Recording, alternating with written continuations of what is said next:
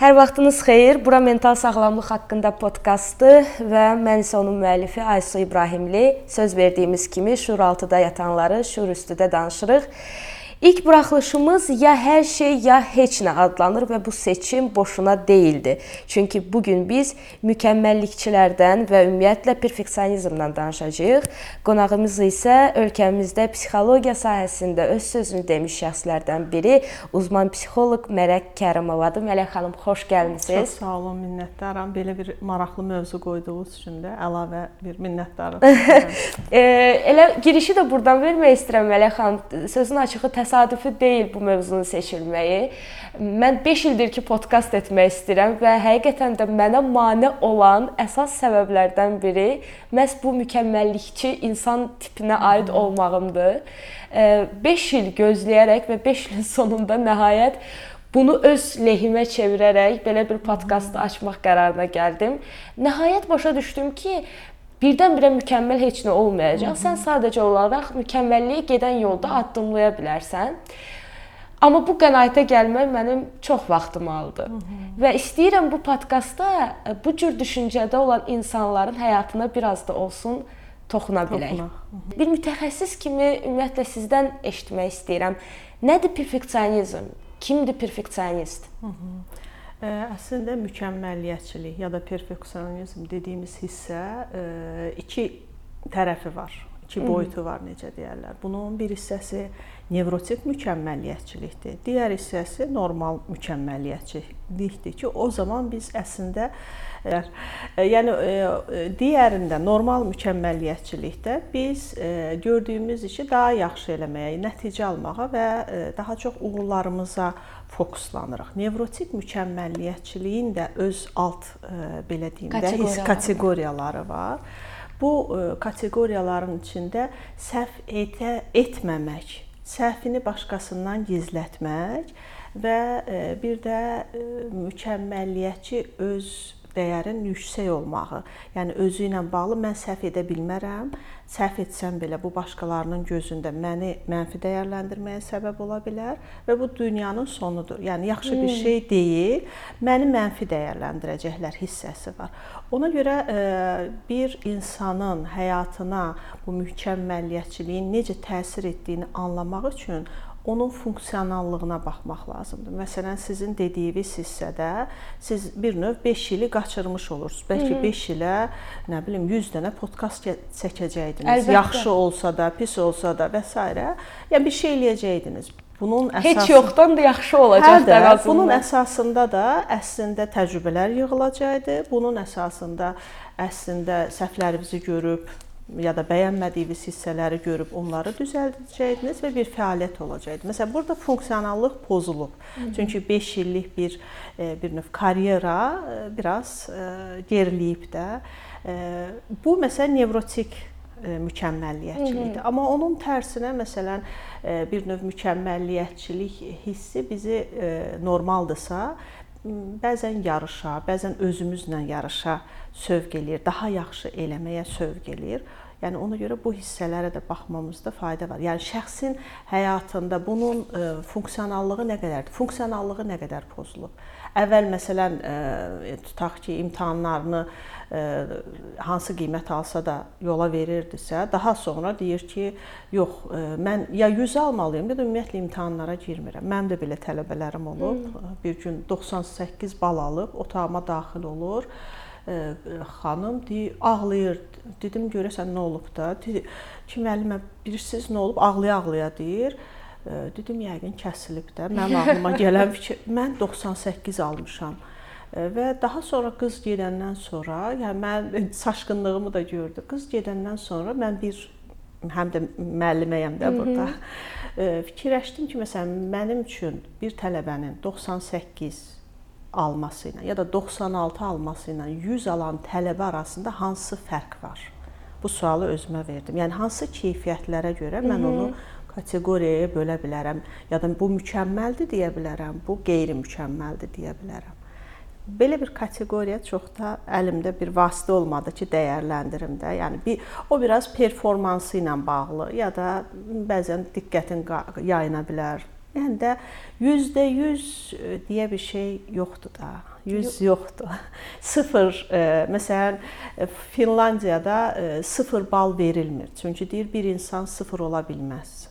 Orta məktəbdən danışıram. Aha. Yəni insan 0 deyil axı. İnsan heç nə eləməsə belə nəsə bir qabiliyyəti var. Yəni bir xüsusiyyəti var. Ona görə bu bu hissə, e, yəni düşüncələrimizdə də biraz əvvəl sizin də dediyiniz kimi əks olunur ki, ya instituta girməliyəm, ya məsələn özümə zərər verəcəm. Heç bu dünyada yaşamağın mənası yoxdur. Ya X şəxsi ilə ailə qurmalıyam, ya da ümumiyyətlə mən ailə həyatı qurmayacağam.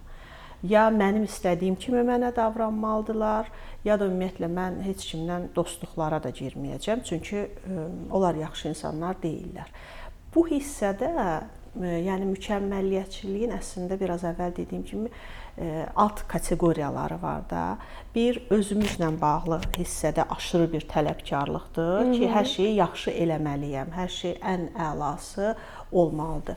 Bunun ikinci bir kateqoriyası başqalarına yaxşı görünmə Aha, kateqoriyasıdır. Aha, suallarım içərisində hə. də o var əslində. Gəlin biraz bunu növbəti suallardan Hı -hı. sonraya saxlayaq Mələk xanım, çünki mənə bilsiz bu məqamda nə maraqlıdır. Bir insan niyə perfeksionist olur? Ya bu genetikdirmi, yoxsa bu cəmiyyətin baskısıdırmı, yoxsa ailədirmi? Aydın məsələdir ki, bunların üçü də ola bilər, amma bir insan nəhayətində böyüyüb nevrotik və yaxud da nevrotik olmayan perfeksionist olmağı üçün Yəni ona hansı qidalar e, belə dırnaq arası hmm. verilir ki, nəhayətində bu adam perfeksionist olur?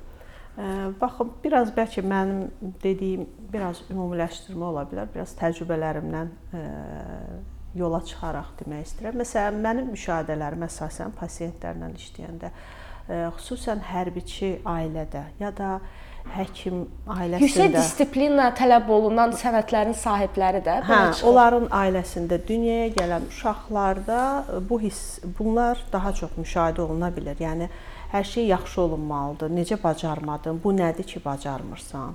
Kimi. Yəni bu Hı -hı. amma o demək deyil sırf bunlarda olur, digərlərində olmur mənasında deyil. Sadəcə müşahidələrim və təcrübələrimdən deyirəm ki, yəni bu ailələrdə məsələn əgər şəxs danışırsa, məsələn növbəti hissədə deyirəm indi soruşsam valideynlərinə deyəcək ya hərbiçidir, ya anam həkimdir, atam həkimdir və s.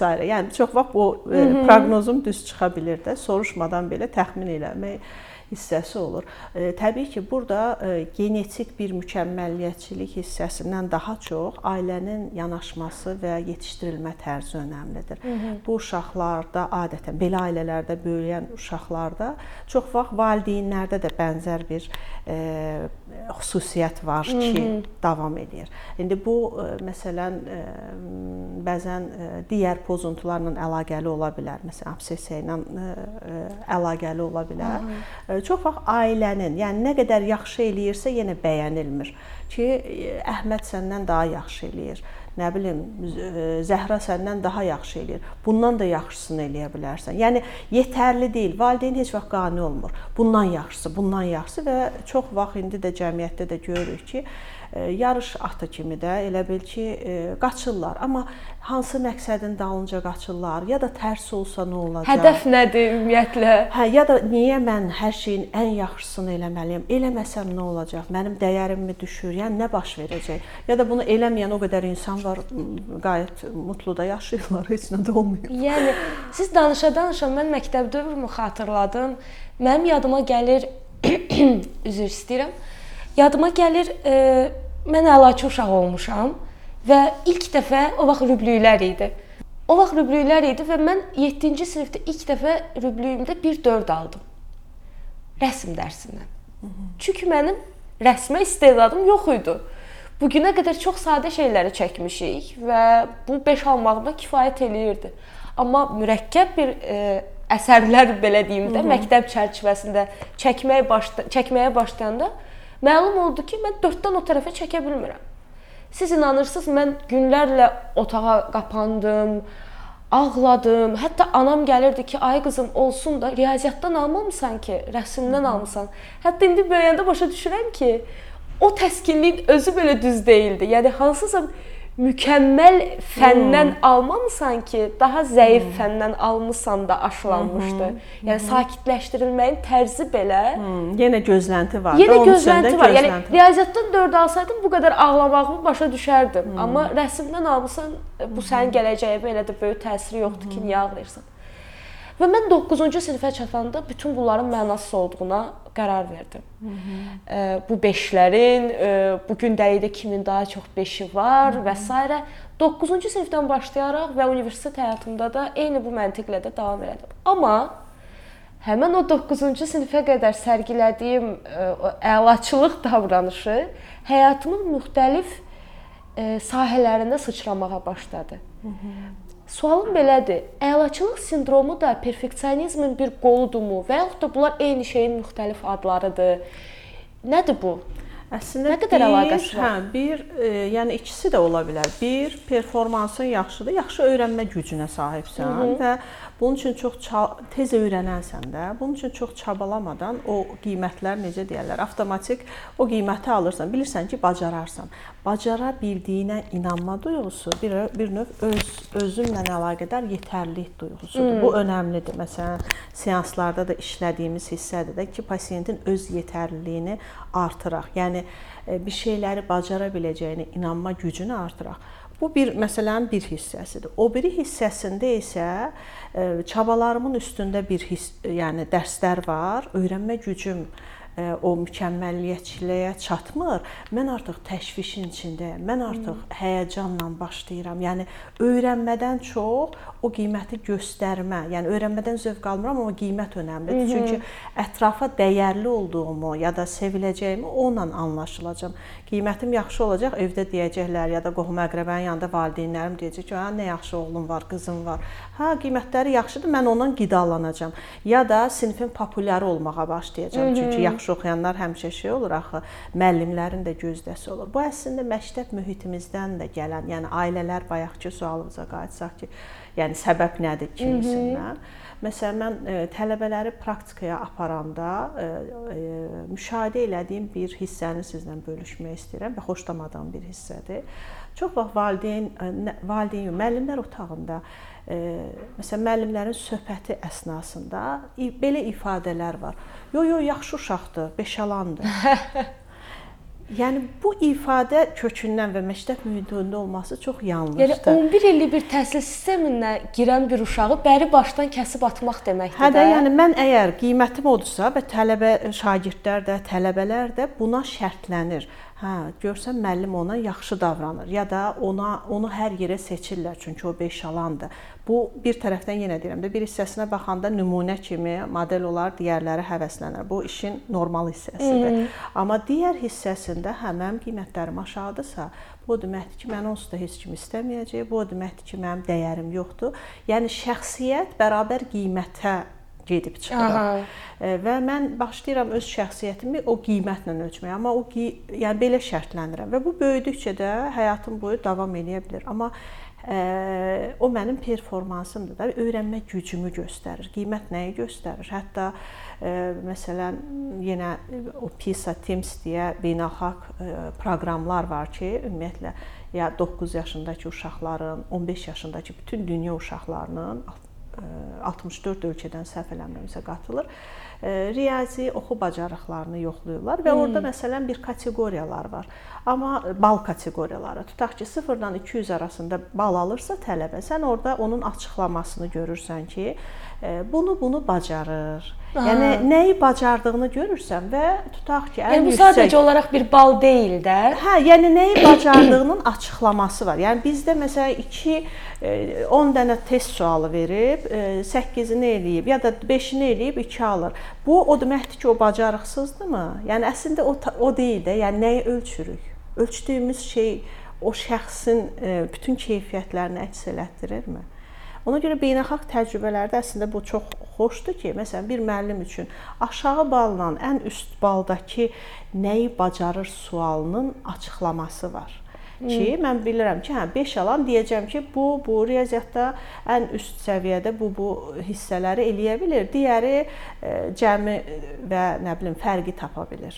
Məsəl üçün deyirəm. Amma nəsə bacarır. Hə, nəsə bacarır. Əslində 2 də e, ya da 3 də bir şeyləri eləyib ki, gəlib çıxır da. Əlbəttə. Amma yenə deyirəm, bu e, sualın məzmunundan, nəyi ölçdüyümüzlə çox əlaqəlidir və təəssüf ki, mənim e, ümumi deyirəm də, yəni bizim aldığımız qiymətin e, belə çox populyar olması deyim, e, acınacaqlıdır. İstər ailələrdə, istər məktəblərdə. Yəni e, yenə deyirəm, sanki o şəxsin dəyəri elə onunla ölçülür. Hətta ə, ə, belə bir şey xatırladım.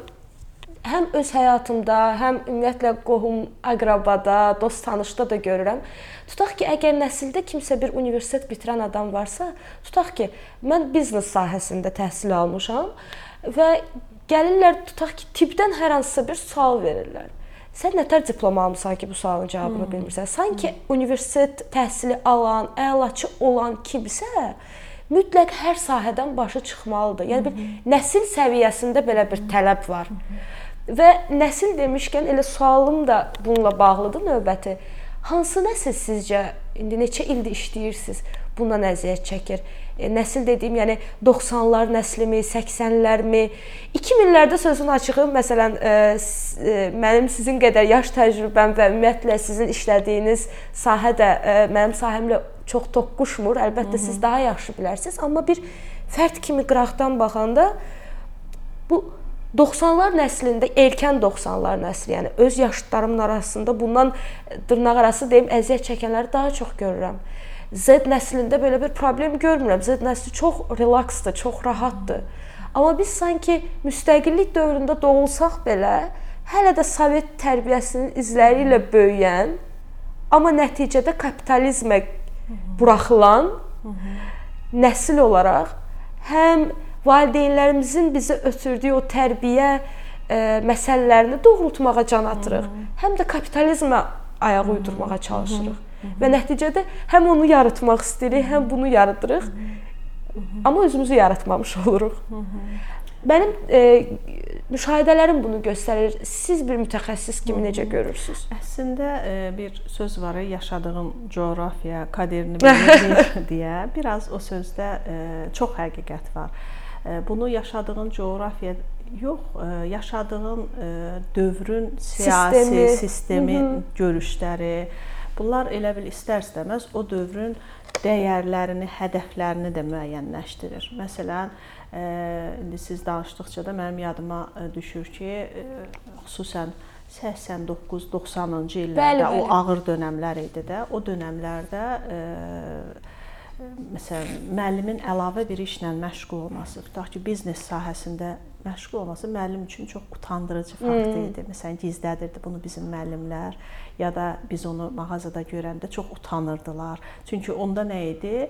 E, alver sayılırdı və alver eləmək yaxşı bir keyfiyyət Ayıb idi. Ayıb idi. Yəni alverçi heç yəni belə deyirdilər də dəyərli e, bir mövqe deyildi. İndi universitetlər Alverin dərsini keçir. Hə, biz e, hə, o dövrün məsələn dəyəri o idi. Ona Hı -hı. görə də e, müqayisə edildiyi zaman ki, hə oxumasan alverçi olacaqsan. Yəni sən ki ən aşağı bir vəzifə tutacaqsan kimi bir dəyər var idi. Amma təbii ki, illər keçdikcə, dəyərlər dəyişdikcə artıq və təbii ki, texnologiyanın həyatımıza girməsi ilə, xüsusən dediyiniz kimi yeni nəslin həyatına girməsi ilə çox böyük üfüqlər açıldı. Bu üfüqlər həm də öyrənmə prosesini asanlaşdırdı. Məsələn, daha əvvəlki nəsil üçün bu öyrənmə prosesi kitabxanalarda olurdusa, gedirdilər.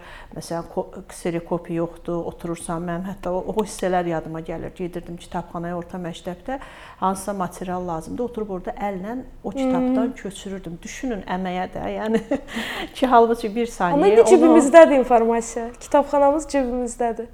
Hə, yəni indi hansı kitab, hansı dil istəyirsən, hansı ölkənin muzeyini gəzmək istəyirsən, hansı incəsənət nümunəsi ilə, yəni elə bil e, dünya sənin əlinin altındadır. Sadəcə olaraq sən onu uyğun bir şəkildə dəyərləndirsən, bu e, hissələr, yəni öyrənmə potensialın e, artır ya da dünya görüşün zənginləşir. Amma bunun minus hissəsi nədir? Minus hissəsi odur ki, informasiya bolluğu içində daim o yetərsizlik duyğumuz daha da artır.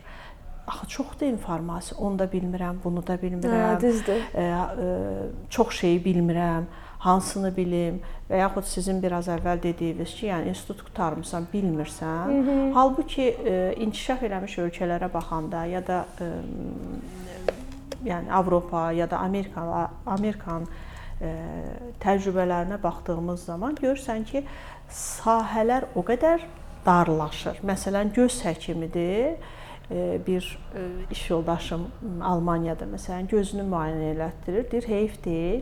Bizdə göz həkimi baxır, bir gözüm var, gözümə bir göz həkimi baxır. Məsələn, gözün ön hissəsinə baxan həkim məni müayinə elədi. Dedi ki, yox, mən arxa hissəyə baxmıram. Hmm. Getdim ayrı bir həkimə.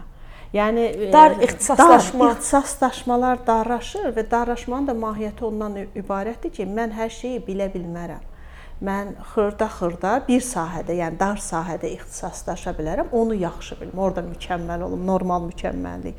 Amma hər şeyi biləndə heç nə bilmirsən də, ya da ömrün ə, günün bəs eləmir də. Çünki buna həqiqətən bu qədər informasiya bolluğunda yetmir. Ona görə də elə bil ə, universitet həyatı indi sizin o qohumların əksinə mən fikirləşirəm ki, universitet həyatı tamam ixtisas verir, eyni zamanda insana düşünməyi öyrədir, mən sosiallaşmağı öyrədir. Tamamilə razıyam. Hətta mən universiteti bitirdiyim, yəni ixtisasımdan tamam fərqli sahədə çalışıram indi və mənə deyirlər ki, peşmansan. Bəlkə biraz daha erkən gəncliyimdə buna görə peşman idim ki, ay vaxt itkisi olardı, amma indi fikirləşirəm ki, həqiqətən o, o qədər gözəl bir yerdə oxumuşam, o qədər gözəl müəllimlərim olub və onlar bizə dayanmadan bu fikri dedilər.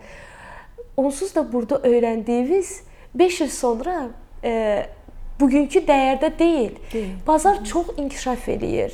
Hı. Texnologiya çox inkişaf eləyir. Siz burada necə düşünməyi öyrənirsiniz. Necə öyrənməli olduğunuzu öyrənirsiniz. Və çox sevinirəm ki, həqiqətən də e, bizdən başlayaraq və bu 2000 plus nəsillər bu sistemdən yararlanmağa başlayırlar. Çünki biz çox əziyyət çəkdik. Biz və bizdən öncəkilər, xüsusilə Sovet dövründə. Ona görə indi alırlar. şeydir də, artıq o mükəmməliyyətçilik hissəsindən daha çox, yəni insanın o paradigması da, Hı -hı. gələcək paradigması ömür boyu öyrənmə prizmasına getməlidir. Çünki e, biz ömrümüzün axırına qədər elə dünyaya gəldiyimiz gündən qaşıq tutmağı, gəzməyi, vilkanı, nəyi necə istifadə edəcəyimizi, yəni bu bizim e, genetikamızdadır da. Öyrənməsək adaptasiya ola bilməyəcək. Və ona görə də bu dünyaya, yeni dünyaya adaptasiya ola bilmək üçün bacarıqların üzərində işləyib və özünün yaxşı halını yaratmaq ki, yəni bu o demək deyil, mən ən yaxşısı olmalıyam məntiqi yox. Sadəcə olaraq görəsən, məsələn, mənim hansı qabiliyyətlərim var? Mən nəyi hara qədər eləyə bilərəm? Yəni gücüm nədir? Mənim təbiətim, bu genetika ilə, bu öyrənmə gücümlə, bacarıqlarım nədir? Yəni başqalarının sərhəddim hara qədərdir? Aha, başqalarının qoyduğu standartlarla yox, öz, öz içində olan öz standartlarla hə, uymaq öz qoyulmalıdır. Məsələn ki, tutaq ki, bəlkə heç fərqində deyiləm, bəlkə mənim bir artistik qabiliyyətim hmm. var. Məsələn, Covid e, dövründə evə bağlı qalmışıq. E, təbii ki, sıxılır da adam. E, mən bir proqrama qoşuldum, musiqi proqramına. Mahnı oxuyursan. Karaoke. Hə, karaoke. Və mən e, heç yoxlamamışdım. Nə qədər xoşbəxt olduğumu hiss elədim. O qədər mənə belə heç onu kəşf eləməmişdim özümdə də. Hətta fikirləşdim ki, bəlkə əvvəl profilinizi dəyişəsiniz. Yəni gördüm ki, məni qidalandıran, məni sakitləşdirən, məni xoşbəxt edir. Məsələn, mən e, bu mənada deyirəm ki, yəni insan əslində o fürsətlərmi deyim, o hissələr olduğu zaman özünün o xüsusiyyətlərini ortaya çıxa bilər. Ona görə bu yarış, yarış demək də biraz yaxşı səslənir göstərmir. Yəni mən nəyi hara qədər bacararam hissəsinə gətirmək, e, özümü reallaşdırmaq, öz potensialımı ortaya qoymaq hissəsinə gətirmək o nevrotik mükəmməlliyyətçilikdən uzaqlaşmağımıza səbəb olacaq ki, onu niyə istəmirik? Çünki o bizdə münasibətlərimizdə gərginlik yaradır. Hmm. Özümüz daim gərginik, yaxşı eləyə bilmirəm, yox yaxşısı deyil, yox bu əksikdir. Yəni daim rahat yaşaya bilmirəm. Daim narahatam, tikan üstündəyəm, təşvişliyəm həyatıma mənfi təsir eləyir. Elədiyim işin də zövqü qaçır. Necə deyirlər? Dadı qaçır, düzdür. E, Mələk xanım, bunu biz bir nevrotik əgər perfeksionizm aspektindən baxsaq, diaqnoz deyə bilərik, yoxsa bu yenə də bir insani keyfiyyətdir? Keyfiyyətdir. Yəni belə bir diaqnoz yoxdur, amma müxtəlif Hansı diaqnozun əlaməti bəs ola bilər? Ola bilər, ola Aha. bilər. Məsələn, obsessiv kompulsiv e, pozuntusa, pozuntuda bir əlamət kimi dəyərləndirilə bilər. Çünki orada o mükəmməliyyətçi şəxsiyyət xüsusiyyəti çox əhəmilidir. Ya da elə bir ailədən gəldiyini təxmin eləyə bilirsən. Tədqiqatlar da bunu göstərir. Tutaq ki, ev tərtəmiz olmalıdır. Hətta işə getsə də fikri evdədir ki, evin filan yerində stul bu qədər əyri durmuşdu. Onu düzəltmədim. Ola bilər ki, qayıtsın, gəlsin, onu düzəltsin, sonra hmm. işinə getsin.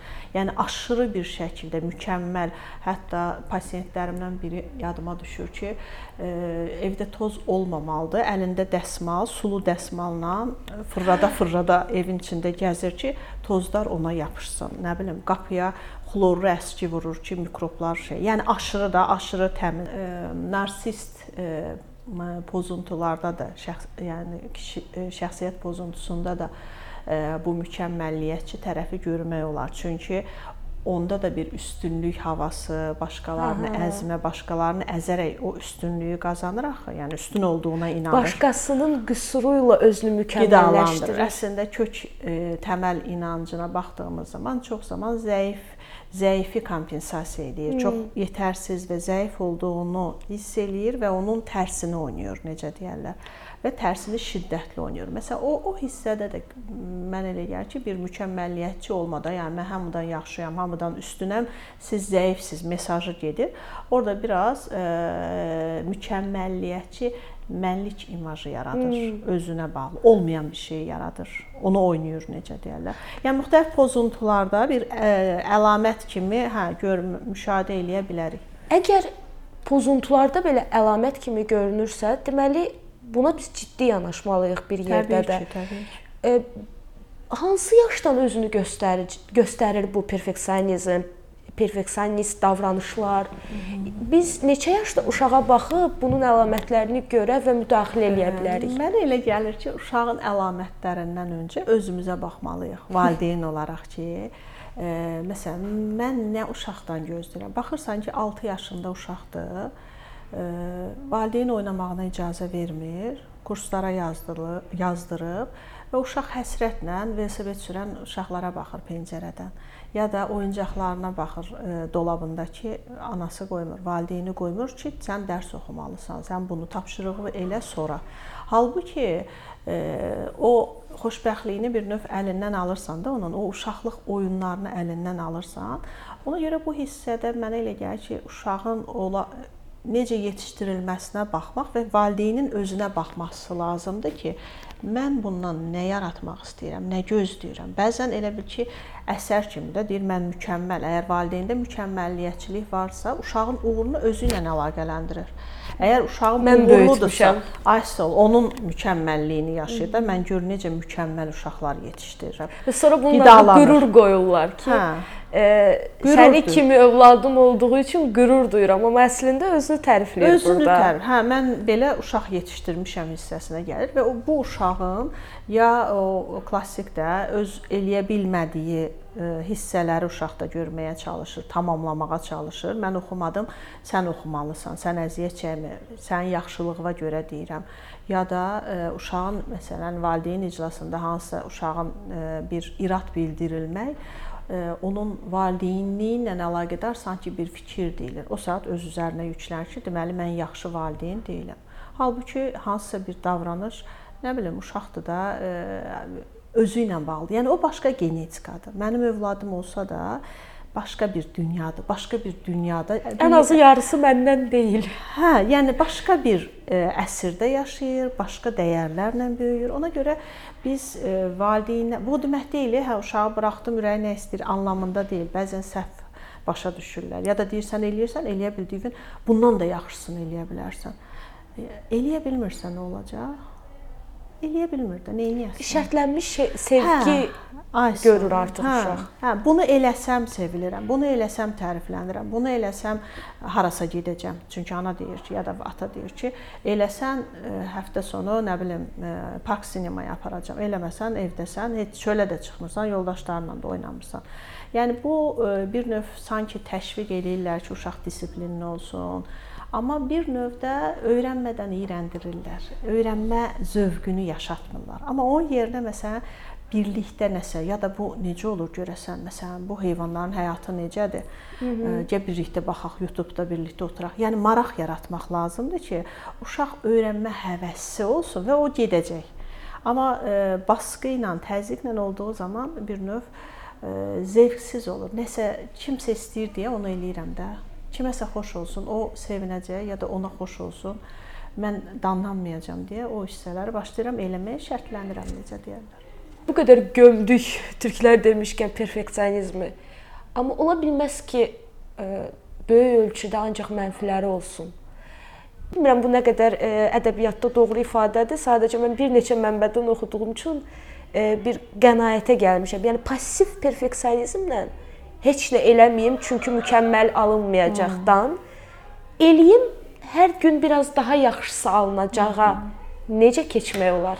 Ora keçmək üçün bir bunun fərqində olmalıdır şəxs ki, məndə nəsə yolunda getmir. Nəsə mənim həyatıma, ya da karyerama, ya da ə, münasibətlərimə təsir eləyir. Fərqində olmaq ilk addımdır. İkinci addım bu fərqindəliklə birlikdə özünə sual verməsi.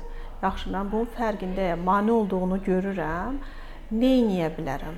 Burada dəstək ala bilər. Əgər çox qatıdırsa, dəyişdirə bilmirsə, psixoloqdan dəstək ala bilər bir şeyə özümüz inanmırıqsa, dəyişə bilmirik. Kim bizə nə deyirsə desin. Yəni mən sizə min dənə söz deyə bilərəm. Siz ona içinizdə inanmırsınızsa, çox da davranışda dəyişiklik olmayacaq. O mənada da e, mənim düşüncə tərzim dəyişməlidir. Mən özümə sual verməliyəm ki, e, yaxşı, mən bu yəni mükəmməl e, dediyim şey nədir? Nədir mükəmməllik? Anlayışı sorğulamalıyam. Nədir də yəni? Yəni özümə bəlkə bir misallar tapsam. Hə də yəni və görəcəm ki, tapa bilmirəm, tapa tutaq bilmirəm. ki. Ya da deyəcəyəm ki, məsələn bu ə, elədiyim iş mükəmməldir. Amma başqa Kimə görə? baxanda, hə, ki, hə də işdir də, normal bir şeydir də yəni. Ya da mənim səhv eləmə şansım yoxdurmu? Biz səhvlərimizdən öyrənirik və heç vaxt başda bilmirik axı ki, bu səhvdir.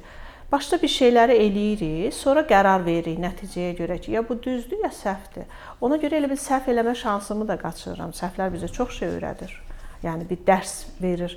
Bu mənada da hə, mən hər şeyi 100% onsuz da mükəmməl eləyə bilmərəm. Buna heç gərək də yoxdur, amma mən çalışacağam ki, o müsbət anlamda da, yəni düşüncəmi dəyişməliyəm. Çalışacağam ki, bu işi bacardığım qədər yaxşı təhvil verim ya da yaxşı eləyim. E, qüsurlar ola bilər hissəsinə gəlib çıxmalıdır beyin, düşüncə. Hmm. E, çünki yenə deyirəm, malı məlilər, ümumiləşdirmələr, yaxşı eləməliyəm. Yox, yaxşı eləmək istəyirəm cümləsinə gəlməliyik. Niyə yaxşı eləməliyəm? Bu vəzifəni mənə kim verdi? Niyə mən? Yəni niyə də, niyə? Sualları verməlidir. Ki o malı nədir? Məsələn, uğur qazanmalıyam. Uğur nədir? Hı -hı. Qazanmalıyam. Bunu kim mənə verib bu həyatda bu görəvi, bu vəzifəni? Yax, uğurlu olmaq istəyirəm. İnstituta girməliyəm. Yox. Girməli deyilsən. Girmək istəyirsən. Girsən yaxşı olacaq. Bu yolu seçirsən. Başqa bir yol da var. Amma sən bu girmək yolunu seçirsən. Bildiniz necə? Bəli. O qatı cümlələrimizi, Deməli- düşüncələrimizi işləməliyik. Bir mütəxəssislə də bunu işləyə bilərsiniz. İndi e, bacaranda özünüz də e, fərqinə varıb e, çürütməlisiniz o ana fikri ki, hər şey yaxşı olmalıdır fikrini çürütmək lazımdır. Təhlil eləmək lazımdır. Deməli bizdə e, səhv ola bilərmi ki, uşaq vaxtı bu səhv dediniz çox maraqlı bir yerə gəldik, çıxdıq. Çox ağrılı bir yerdə hmm. əslində səhv etmə lüksunun olmaması, Olmaması. uşaqlarda bu da mükəmməllikçiliyə Təbii ki, e, təbii ki. aparan bir Təbii ki, belə 100%. deyim də bu aparat deyilmi? Bəli. İnsanlara, uşaqlara necə başa salaq ki, səhv etməkdən qorxmasınlar? Ya, ya da belə deyim də, əlbəttə ki, bu valideynlərdən birinci çıxacaq. Valideynlərə necə başa salaq ki, səhv etmək qəbahət deyil. Hı -hı. Səhv etmək əksinə təcrübədir, öyrədən Hı -hı. bir şeydir. Bunu uşaq övlad tərbiyələndirən yetişkinlərə hansı yolla, yəni burdan bir mesaj psixoloq məsləhəti başlığı hmm, altında hmm. necə eləyək ki, övladlarımız bu passiv perfeksionizmin qurbanı olmasınlar. Əslində yenə çox dramatik səsləndi, hə. amma əslində həyatda da bu belədir. Hmm. Məsələn, neçə ilini insan itirə bilər, neçə ə, şansını itirə bilər, Hı -hı. neçə imkanı əldən buraxa bilər. Hı -hı. Sırf sərf etmək qorxusundan, Hı -hı. sırf mən mükəmməl ola bilməyəcəm qorxusundan, Hı -hı. sırf filankəs məndən daha yaxşıdır bu işdə. Hı -hı qorxusundan ki, uşaq vaxtı müqayisə olunub xalqın uşağı dediyimiz hmm. o e, Uşaqlar. mifik hmm. obraz, görmədiyimiz bəli, obrazda. Bəli. Hmm. Necə böyüdək övladlarımızı ki, onlar biraz daha relaks olsunlar. Hmm.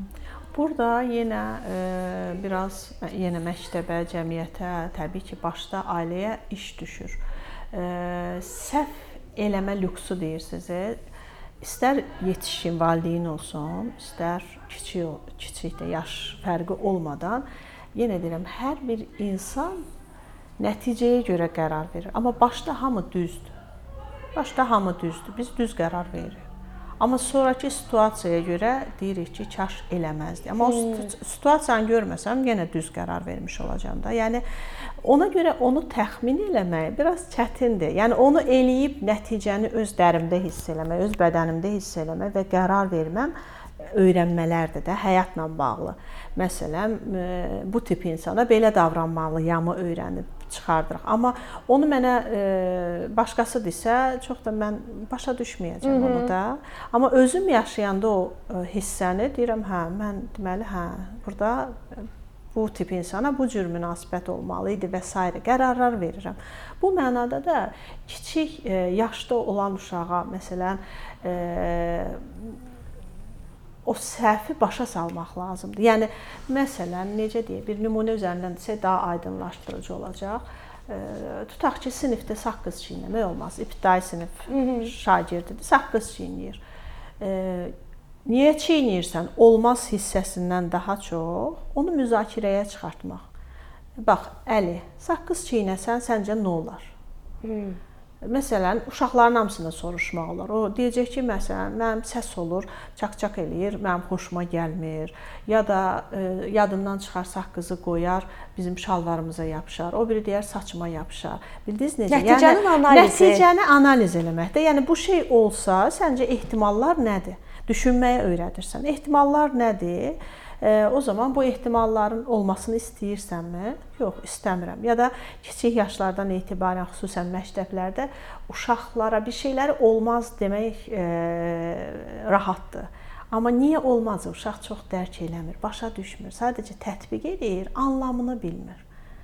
Yəni o anlamı ki, izah eləmək üçün uşaqlarla birlikdə izah eləmək. Yəni onları təşviq eləmək. Beləliklə əslində olsa keşke bir sivil cəmiyyət yaranarsa, yəni başqasının e, hüquqlarına hörmət eləyən, başqasını nəzərə alan, kiçik yaşlardan etibarən bu bacarıqlara sahib insanlar formalaşdırarıq. İstər ailədə, istər ə, e, yəni məktəbi də nəzərdə tutsaq. Ona görə bu səhv etmə lüksu dediyimiz hissədə təbii ki, təcrübə yetişkin indi deyəcək, məsələn, valideynlər deyə bilər ki, o məndən çox bilirsən. hə, məndən çox bilirsən. Mənim yaş sənin yaşın qədər mənim təcrübəm var və s. haqlıdır, ola bilər. Amma bu təcrübəni birbaşa deməniz, o onun o təcrübəsi yoxdur, başa düşməyəcək. O özü yaşamasa başa düşməyəcək.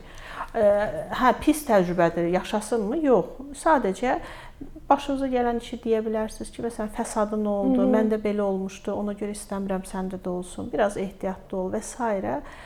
və yaxud səhv eləsə də bunu qloballaşdırmaq yox. Aydın məsələdir. Səhv eləyən insan, yəni nəticəni görəndə insan da peşman olur, uşaq da peşman olur ki, məsələn, əlimdə idi, qabı düşdü, sumkamı pis qoydum stolun üstünə qoydum. Hmm. Stolun üstündəki vaza sındı. Ana gəlib ya, ya da nənə gəlib belə deyim də dırnaqarası qiyamət eləyirsə, təhqir eləyirsə, üstünə düşürsə ki, sən diqqətsizsən, beləsən, eləsən və s. artıq davranışı tənqid edilmir, şəxsiyyəti tənqid edilir. Hmm. Sən diqqətsizsən. Hə, mən diqqətsizəm deməli. Amma e, biraz daha o davranışı diqqətli eləyə bilərdi. Yəni davranışa fokuslandığımız zaman e, davranışı dəyişdirməyə yönəlirik və şəxsiyyəti də sağlam formalaşdırırıq ki, yəni bu mənim pis, yararsız, diqqətsiz olmamla əlaqəli deyil, sadəcə hərəkətimlə əlaqəli hissədir. Bax belə. Biraz oralara, yəni e, tənqidlərimizi elə edə, elədiyimiz zaman da çox təəssüf ki, inanırsınız o qədər qarşıma çıxır ki, e, sanki tərbiyə adı altında sözlər deyilir və bu şəxsiyyəti alçaldır. Şəxsiyyəti alçaldır. Məsələn, baxırsan 30 yaşı var, 40 yaşı var, amma gəlir pasiyent qarşığa ə, ki, məsələn, atamın dediyi o sözü heç vaxt unutmuram, çox incindim. Anamın dediyi o sözü heç vaxt dedi sən bacarmayacaqsan, nə bilim, ə, səndən adam olmayacaq heç və yaxud da əksi, sən böyük adam olacaqsan. Hə, ya da o da bir qoyacaqsan. Hə, ya da ta, hə ki mən ora gəlib çata bilmədim. O da ə, e, mükəmməl gözlənti. Amma nə olursa olsun, sən ə, e, mən səni belə qəbul eləyirəm daxilimizdə. Bu uşaq özünə məxsusdur.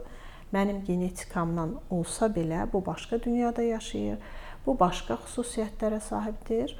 Ə, yəni olduğu kimi də qəbul eləyim. Yəni aşırı bir şeyi gözləmək hissəm varsa, orada bir sıxıntı var özümlə məşğul olmalıyam. Özümlə məşğul olmalıyam. Bir də son sualım olacaq Məryəm xanım. Siz həm də e, müəllimsiz deyə bunu sizlə müzakirə eləmək istəyirəm, həm də o e, kimliyinizlə. Məsələn, biz ədəbiyyatımızda, şifahi xalq ədəbiyyatı olsun, yazılı ədəbiyyatımız olsun və yaxud da təkcə bizim yox, elə dünya ədəbiyyatına baxanda çox elə ifadələrlə. Məsələn, bizim elə kamil bir palançı olsa da insan yaxşıdır yarımçıq papaqçılıqdan. Hı -hı. Burada da bir mükəmməlliyə çağırış Hı -hı. var və yaxud da məsələn, bayaq siz danışırdınız öz təcrübəsinə yox, başqasının təcrübəsindən faydalanmaq. Məsələn, belə bir ifadə var ki, ağıllı adam təcrübələrindən öyrənir, müdrik adam başqalarının təcrübələrindən, yəni o səhvlərə girmədən. Sanki bu filosofların ifadələri, o ibrətamiz kəlamlar da bizi bir növ üstümüzə yükləyir ki, sən Hı -hı. E, müdrik olmalısan, sən mükəmməllikçi olmalısan. Bunlar tədris olunanda e, uşaqlara, e, tələbələrə, şagirdlərə, müəllimlər necə bunu ötürməlidirlər ki, e, onlara gəlib çatan mesaj o olmasın. Onlar başa düşsünlər ki, onların belə bir məcburiyyəti yoxdur. Çünki yadıma gəlir ki, Nizaminin bu sətirlərini bizim ədəbiyyat müəllimimiz görün necə deyib, həqiqətən də mükəmməl, əlbəttə öz ixtisasının üzrə Hı -hı. mükəmmələ çatmaq istəyi gözəldir, amma bütün bu öyrədilənlər uşaqları çox yükləmirmi? Və müəllimlər onlara biz, necə ötürsün o mesajı? Əslində ə, o dedi, dediyiniz məsələn kamil bir palançı olsa da insan yaxşıdır yarımçıq papaqçılıqda. O mənə elə gəlir ki, orada müəllimin şərhi necə şərh edəcəyi önəmlidir. Eyni ilə bax necə hə. desin ki, məsələn müəllim onu ə, ə, bacardığın işi daha dərin biliklərə sahib olaraq öyrənmək, yəni sahəvi yaxşı bilmək, ixtisaslaşmaq cəhətdən təhlil eləyə bilər. Ya da müəllimin özünün də mükəmməliyyətçiliyi varsa, başqa bir ki, yəni ya bir şey eləyin, bu dərsimi ya oxuyun, ya da heç eləmə. Lazım deyil. Aha, Sən elə mən kimə hə, maraqlı çıx, deyil çıxsın. Çıx, kimə maraqlı deyil çıxsın hissəsini. Yəni orada biraz müəllimlərin artıq metodik bacarıqlarından söhbət gedir, mənə elə gəlir. Bu dövrlər bir şey var da, qaçış, yenə deyirəm, at yarışı kimi e, uğurlar və yaxud görürsən ki, uğura çatıb amma mutlu deyil. Yəni ləzzət almır, həyatı qaçırıb əslində bir proses kimi, yəni həyatı da, həyat yolunu bir proses kimi fərqində yaşamaq çox əhəmilidir. Yəni elədiyin hər bir şey, tutaq ki, biz burada ilk dəfə tanış oluruq, söhbət edirik. Bunun belə bir zövqü var, deyilmi? Yeni insanlar, yeni mövzu, yeni deyil, köhnə mövzudur, amma yəni də bir diskussiya eləyir. Bunun bir keyfi var. Yəni elə bir fərqində yaşamaq, gördüyün işləri sevərək eləmək, bir anlam qatmaq onu mükəmməl eləməkdən daha vacibdir. Bəli, bəli. Yəni bir yerə qaçıb, çatıb qaçmaq, zirvəyə çıxmağın ə, ləzzətini elə bil yolda almaq. Tamam, ora gedib çıxacanda arzuluyursan, gedib çata bilərsən, çatmaya da bilərsən. Yəni şərt deyil. Amma əsas odur ki, prosesdən, sürəcdən zövq ala-ala getmək. Daha sonra baxdığın zaman ki, hə, mən nə yollardan keçdim. Tutaq ki, ə, əvvəllər necə ə, podkastlarımı sevmirdim Aha. Özünə belə xoş gələcək də ki, hə, əvvəllər bu bu şeylərə diqqət eləmirdim. Sonda gör hara gəldim. Nəticə çıxdım. buna gəldi. Yəni prosesdən zövq almaq, tutaq ki, indi sizin işinizlə bağlı müxtəlif insanlarla tanışdıq, maraqlı mövzular ya da nə bilim kütləni maarifləndirmək. Bunlar hamısı anlamdır da. Buralara fokuslanmaq, nəinki ən yaxşısı yoxdur, ən yaxşısı. Yəni ən yaxşı dediyimiz hissə yoxdur ağ-qara dediyimiz hissə yoxdur. Rənglər var, tonlar var. Ya hep ya həmişə, ya heç vaxt söhbəti yoxdur. Ya mən istədiyim kimi olmalısa, ya da mən səninlə münasibətə girməyəcəm. Mən səni övlad kimi qəbul eləmirəm. Olmayacaq. Qəbul eləməyəcəm, münasibətin korlanacaq.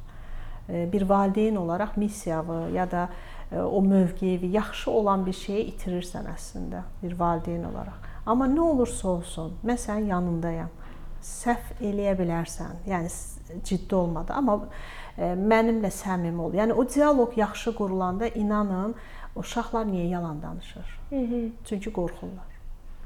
Niyə mən valideyndən qorxub? Yəni o yalan böyüyür də getdikcə illər keçir. Əslində perfeksionizmdə qorxu nəticəsində yaranan var, bir şeydir. Səhv hə, etmək qorxusu, səhv etmək qorxusu, mükəmməl olmamaq təbii qorxusu, ki, bu hamısı ki. qorxudan yaranan Və bir qorxu şeydir. da uzun müddət davam eləyəndə ya da təşviş uzun müddət davam eləyəndə bədəndə bunun fəsadları var da. Fəsad sən artıq psixosomatik reaksiyalar verməyə başlayırsan. Heç nə yoxdur, təlaşlanırsan ya da sənə bir sual verirlər, tutaq ki, iclasda ya da nə bilim yaxşı bir fürsət çıxıb iş görüşüdür. Sən artıq ən yaxşı cavabı verməliyəm deyib əlin ayağını cavabı verirsən. Ən pis cavabı verirsən ya da məsələn mənim belə bir yenə təcrübələrimdə olub ə, pasiyent ən yaxşı fürsəti, çox arzuladığı, illərdir arzuladığı bir iş görüşməsinə gedir və bu görüşmədə tutulur qalır, heç nə danışa bilmir. Sadəcə adını deyir və görüşdən çıxandan sonra da yəni özünə çaşır ki, mən illərdir bunu gözləyirdim. O ə, amma danışa bilmədim. Aşırı həyəcandan, təşvişdən. Ona görə yəni zərərli tərəfi budur, amma yenə deyirəm, müsbət mükəmməlliyətçilik hissəsi odur ki, öz daxilimizdə yarışırıq. Ə, yarış sözünü nəsə sevmirəm. Öz potensialımızı ortaya qoyuruq ki, nəyi nə qədər bacara bilərəm. Və bunları mən eləmək istəyirəm. Bunlar məni huzurlu elirmi? Zövq alırammı? Faydası nə olacaq cəmiyyətə? Bu hissələri bir formalaşdırıb sadəcə yaşamaq. Rahat yaşamaq. Çox sağ olun. Bir daha təşəkkür edirəm gəldiyiniz üçün və sizə danışmaq həddindən artıq xoş idi. E, istər auranız, istər ötürdüyünüz bilgilər üçün təşəkkür edirəm. E, ümid edirəm bir də bizim görüşməyə şansımız olacaq Hı. fərqli bir mövzuda. Hörmətli dinləyicilər, əgər buraxılışımızı faydalı və maraqlı hesab edirsinizsə, o zaman dostlarınızla paylaşmağı unutmayın. Eləcə də bizə yazaraq mövzu və qonaq istəklərinizi də bölüşə bilərsiniz. Növbəti e, buraxılışa dək sağ olun. Yenə gəlin.